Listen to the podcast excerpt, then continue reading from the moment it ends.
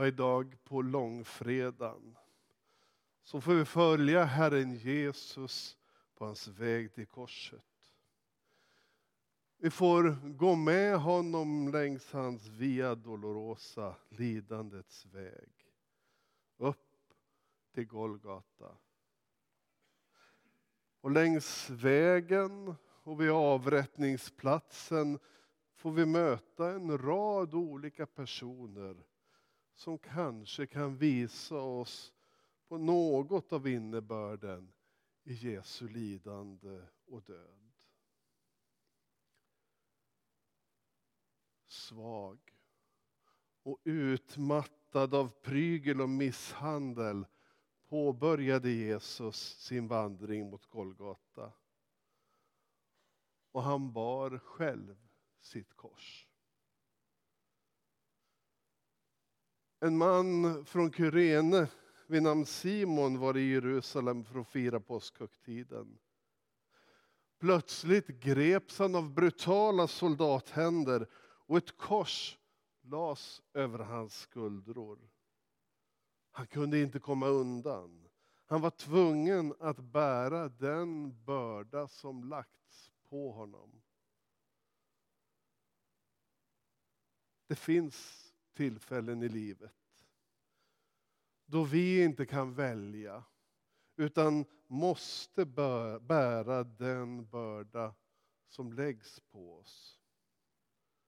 Så var det för Simon och så är det för oss. Livet består ju av det ljusa och möjliga men också av det plågsamt mörka. Livets svårigheter är sällan något vi väljer utan något vi drabbas av. Något vi måste leva med, bära på. Det är inte alltid bördan är vår egen. Vi kan, liksom Simon, bära någon annans börda. Dela någon annans lidande. Lida med någon annan. Med lidande. Vår bön till Gud får vara att bördan som läggs på oss inte är större än att vi orkar bära den. Och bara Gud vet hur lite vi kan bära.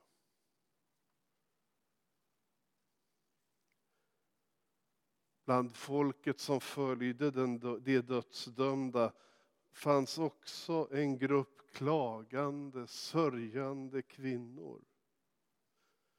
Jesus vände sig till dem och sa Gråt inte över mig, gråt över er själva och era barn. Det kommer dagar av svårare lidande än mitt. Lidande så stort att man kommer att önska sig döden. Då ska man säga till bergen, fall över oss och till höjderna, dölj oss. Nu hör vi lidandets och förtvivlans rop från Butja och Mariupol. Från svältande och krigsdrabbade. Tillsammans med dem får vi ropa och be vårt Kyrie eleison. Herre, förbarma dig. Så fortsatte Jesu vandring till Golgata. Och där korsfäste de honom tillsammans med två förbrytare. Ännu en gång befinner Jesus sig bland de minsta, bland de i samhällets utkanter.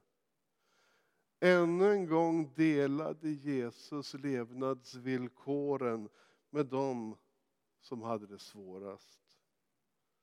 Han var och är väl förtrogen med det mänskliga livets baksidor. Folket, de stod där och såg på. Passiva, rådvilla Kanske började de ana att den avrättning som de hade varit med om att driva fram var fel. Rådsherrarna hånade honom. Dessa fromma, gudfruktiga judar, så säkra på sin egen sak, så blinda för vad Gud gjorde just då genom sin son. De romerska soldaterna hånade honom. De var utlänningar, soldater utsända av kejsaren för att utkämpa strider de själva inte valt. Långt hemifrån, långt från sina familjer. Och nu har vi på nytt fått se vilken ondska som krig och uniformer kan tvinga fram hos oss människor. Hur bemöter då Jesus förnedringen, likgiltigheten, hatet och hånen? Och han säger Fader, förlåt dem. De vet inte vad de gör. Så stor är hans kärlek. Så stor är nåden. Ja, Jesus kom med ljuset till världen. Han kom för att lysa upp en mörk värld med sin kärlek och ge alla människor ljus. När han dog förmörkades solen och mörkret sänkte sig över hela jorden. Det var ett tecken synligt för alla människor. Han som de just korsfäst var trots allt världens ljus. Nu tätnade mörkret igen. Samtidigt skedde ett annat tecken i templet det allra heligaste, det innersta rummet i templet dit ingen annan än översteprästen fick gå in. Den plats där man tänkte sig att Gud var närvarande på ett alldeles särskilt sätt. Det allra heligaste, det avskildes med ett förhänge. När Jesus dog brast förhänget mitt i tu. Vägen till det allra heligaste låg öppen. Guds närvaro var inte längre bunden till templet. Nu låg Guds väg till människan öppen och människans väg till Gud. När Jesus dog och förhänget brast miste också tempelgudstjänsten sin viktigaste funktion. Förut hade översteprästen burit fram syndoffer i det allra heligaste för att sona människans synd och skuld. Nu går vägen till förlåtelse och försoning genom den korsfäste. Det fullkomliga offret. Ett offer som inte behöver och inte kan upprepas. Jesus Kristus tog hela människosläktets synd och skuld på sig. I och genom honom försonade Gud allt med sig. Allt i himlen, allt på jorden. Ja, Jesus säger det själv. Det är fullbordat.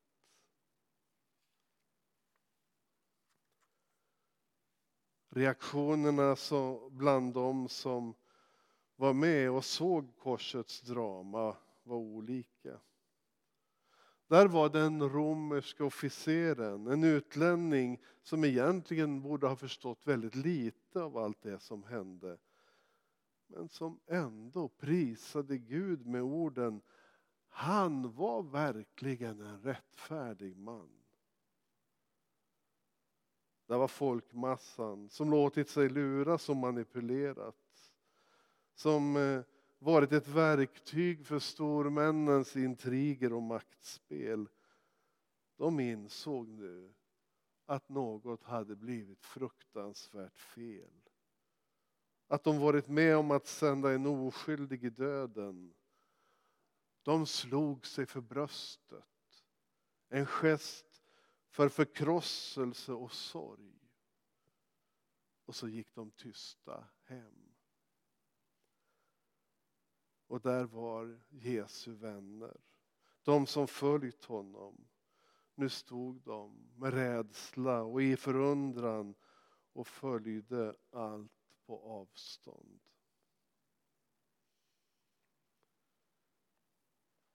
Vi stannar ytterligare några ögonblick inför korset och den korsfäste.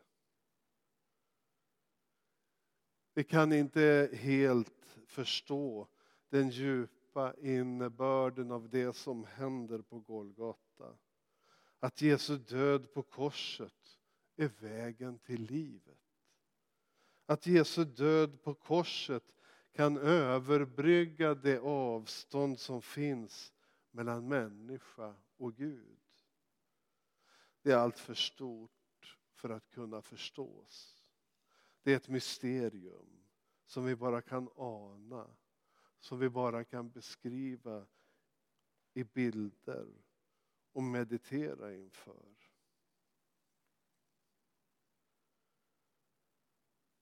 I årets påskfirande så har vi ytterligare en illustration för hur Jesus gör den trasiga relationen mellan människa och Gud hel igen.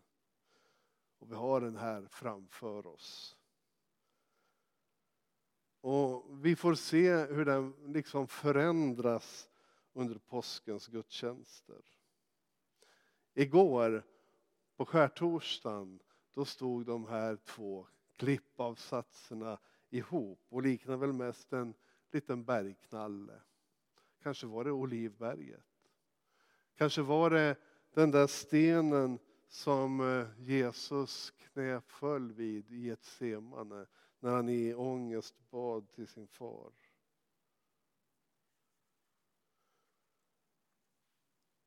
När jag ser den idag då kommer jag att tänka på Norge.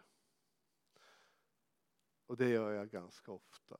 Tänker på Norge för jag tycker det är ett sånt fantastiskt vackert land att vara i. Jag åker gärna dit. Och går man längs en älv i Norge och förmodligen lika så i vilket annat land som helst. Men går man längs en älv i Norge och här ser vi ju hur den flyter fram i mittgången. Av och till stöter man då på gamla brofästen. Ofta är det rejäla fundament av sten och betong. Ibland så finns det några rostiga stag som visar att här har det en gång varit en hängbro. Andra gånger så ligger det lite gamla ruttna stockar och man förstår att här har det varit en träbro en gång.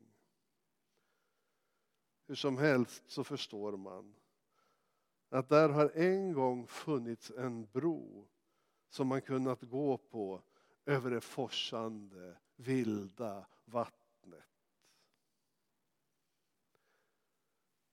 När Bibeln ska beskriva kaosmakterna och det ondas hemvist, ja då görs det ofta med bilden av det hotfulla, upprörda vattnet. Så är det i skapelseberättelsen. Innan Gud börjar sitt skaparverk finns där bara mörker som breder ut sig över ett oroligt hav. Sen uttalar Gud sitt skaparord och kaosmakterna övervinns. När lärjungarna skräckslagna befinner sig i en båt på en stormig Genesarets sjö är det en bild för allt det som hotar våra liv. Och så kommer Jesus och stillar stormen. När Jesus Kristus ger sig själv och sitt liv på korset ja, då är det som om man använder de här gamla brofästena för att göra en ny bro. Med sin död och sitt liv och sin kärlek slår han en bro över det forsande vattnet. En bro som räddar oss från det som hotar våra liv. En bro som sträcker sig över allt det som skiljer oss från Gud. Att den Gud som skapat och älskar oss och som längtar efter att vår relation med honom ska bli hel igen gör allt för försoningens skull. Och jag avslutar med ett par rader ur Kolosserbrevets första kapitel. Gud beslöt att låta all fullhet bo i Jesus och genom hans blod på korset stifta fred och försona allt med sig genom honom och till honom. Allt på jorden och allt i himlen. Amen.